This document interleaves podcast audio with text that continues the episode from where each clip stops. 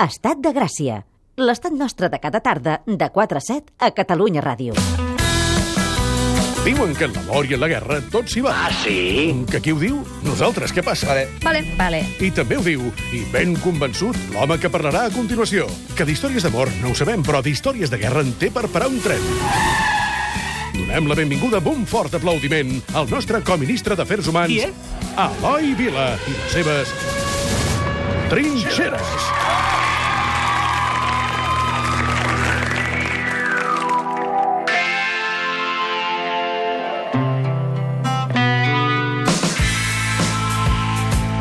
Eloi Vila, bona tarda, com estàs? Bona tarda, molt bé. Escolta'm, avui farem trinxeres a Catalunya Ràdio. Les de la tele s'han acabat, tristament. Sí, s'han acabat, sí. Sap greu, perquè realment el programa era Enganxava molt, molt. xulo. Enganxa... Anava tard, però existeix el 3 a la carta, per sort. Quantes vegades es diu això de tants programes? El feu massa tard! Sí, és un, això ho he sentit, m'ho han dit tants cops, però vaja, és horari de prime time, vull dir que... Hi ha, du hi ha dues solucions possibles. Una, que no vagi tan tard, dues, que no el mirem des del sofà, que és massa còmode. que això cada vegada està més uh, extès. I, I la tercera opció és que la gent menteixi i digui ho fas massa tard i després estan veient una altra cosa. Això també. Això també passa. Però no és, Vaig a veure Gran Hermano VIP. no és el nostre no cas. vist. Clar. Molt bé la il·luminació. Eh? Quan la il·luminació sí. està molt bé, la realització. Eh?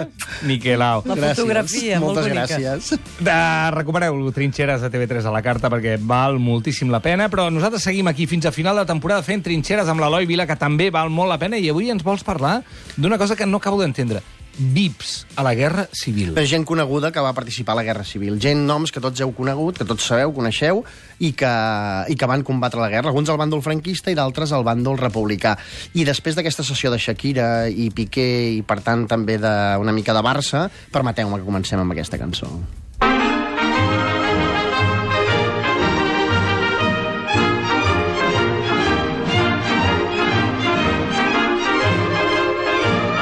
Sé quina és, eh?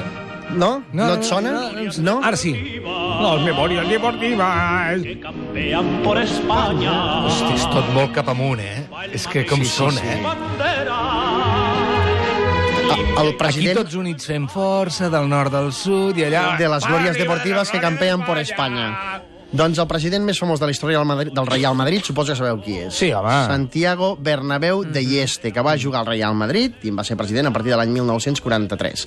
Uh, va combatre la Guerra Civil i va combatre en el bàndol franquista i concretament a Catalunya. Ell estava a la 150 divisió uh, com a caporal assistent del general Agustín Muñoz Grandes, que també va ser comandant en cap de l'exèrcit uh, d'Urgell uh, i de la divisió Azul, que són els voluntaris franquistes que van combatre la Segona Guerra Mundial Sí. al front de Rússia. Sí, aquests que tenen carrers. Sí, correcte. A segons quins llocs. Doncs Santiago Bernabéu de Ieste va combatre amb l'exèrcit franquista, es va fer voluntari només començar la Guerra Civil, ell era advocat i es va llistar com a voluntari després d'estar un temps amagat, perquè el Partit Comunista el tenien a la llista, el, el perseguien, després d'estar un temps amagat a Madrid, s'allista i, i va a la Guerra Civil. I va estar lluitant a Catalunya, primer al front d'Aragó i després va estar lluitant a, aquí a l'últim front de la Guerra Civil a Catalunya, concretament al Montsec. Ell és dels, de, formava part de les tropes franquistes que van entrar a Lleida, a Balaguer, a Trem, després posteriorment a Berga, i el 26 de gener del 1939 va desfilar per la, per la Diagonal l'entrada de les tropes franquistes a Barcelona. I, i aquí comença, després, quan va ser president del Real Madrid, l'any 1943, aquesta relació que sempre s'ha dit que hi ha entre el Real Madrid i el franquisme, perquè ell, la seva primera junta directiva, fa una junta directiva plena de militars, alguns dels quals van ser membres de la divisió Azul, eh, l'himne del qual és aquest.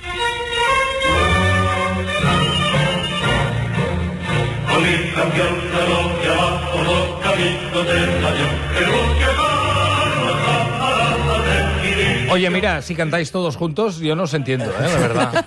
Esto es un lío. A ver qué diuen.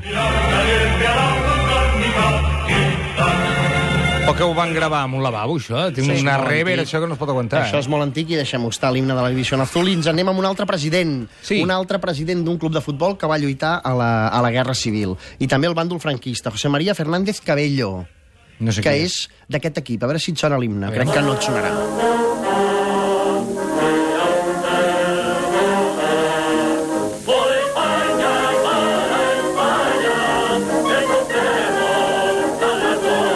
Sona, però el trobo és molt el alegre. primer himne de l'Atlètic de Madrid, un himne de l'any 20. Després el nou himne, l'actual himne de l'Atlètic de Madrid, és de l'any 74. Això és quan encara era Atlético Aviación o no, ja havia... això és quan era l'Atlético de Madrid. I Mhm. aquí ara t'explico això de la història de l'Atlético Aviación, perquè aquest eh, president, el José María Fernández Cabello, que va estar lluitant també a la Guerra Civil amb l'exèrcit franquista al Montsec, va ser president de l'Atlètic de Madrid l'any 1936 Mhm. per, una per la dimissió de l'aleshores president, perquè l'Atlètic de Madrid havia baixat a segona divisió. Comença la Guerra Civil, se'n va a la guerra i és president durant els 3 anys de guerra. I quan acaba la guerra, hi ha la fusió entre l'Atlètic de Madrid i l'Atlético Aviación, hi ha una fusió i el president passa a ser passa a ser un altre, no? I ell deixa de ser president i està circumstancialment durant els 3 anys de guerra. I, I és molt curiós eh, això. Uh, va, continuem amb, amb el món del futbol Sí. eh? i l'exèrcit franquista en aquest cas. Són Victorio, Unamuno i Barzábal i Guillermo Gorostiza Paredes. Tots dos van ser pitxichis de la Lliga Espanyola, amb l'Atlètic de Bilbao. Eh?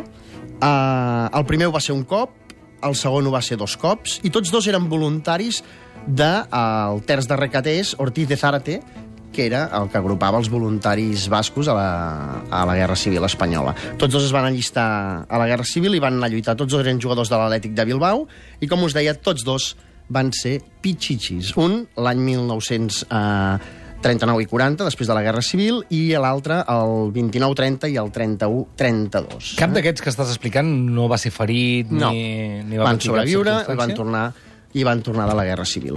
Hem parlat de tres casos de VIPs o persones conegudes que, que van lluitar amb l'exèrcit franquista i en tenim també que van lluitar amb l'exèrcit republicà. No? Per exemple, el Joan Sales, us sona el Joan Sales? Sí, Incerta Glòria. Incerta Glòria, correcte. Doncs ell escriu Incerta Glòria després de la seva experiència a la Guerra Civil. Ell també va estar al front del Montsec i, i ell va anar a l'escola de guerra, el Joan Sales era advocat, escriptor, poeta, traductor, editor, de fet és el que va editar La plaça del Diamant. Sí, I... sí, sí, ho va explicar un dia el David Guzmán, que no tenien clar el títol Mhm. i que tenien allò un debat epistolar per decidir si es deia com era els terrats de Gràcia. Un terrat de gràcia. Un terrat de Gràcia, Joan Sales deia que no, que la plaça del Diamant, i després Rodoreda No, defensava... li deia que la colometa, que això no Ah, valia. la Colometa. La Colometa no, no li agradava com a títol i li va proposar un terrat de Gràcia i no es van posar d'acord i al final van decidir La plaça del Diamant. Tot i que la plaça del Diamant gairebé no hi sortia, la novel·la. No, però escolta'm, Criteri Mira. editorial. sí, sí, no, no, sí. ei, la van encertat, en aquest Ah, cas. sí, sí, Molt absolutament, encertat, absolutament. no? Doncs el Joan Sales, que va escriure Incerta Glòria, a partir de la seva experiència a la Guerra Civil,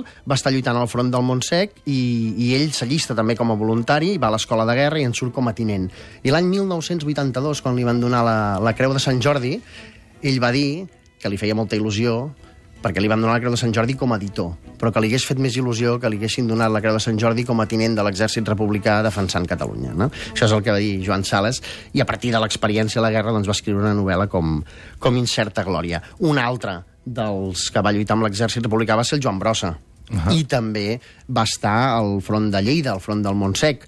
El, el Joan Brossa, eh, tots sabeu, eh, mag, poeta visual, doncs va fer de cartògraf, no? I les seves, eh, els seus treballs de cartografia per l'exèrcit republicà doncs eh, es van, els, els, els van utilitzar durant la guerra i ell, el juny del 38, va escriure, també en plena guerra, la seva primera obra en castellà, que es deia Combate.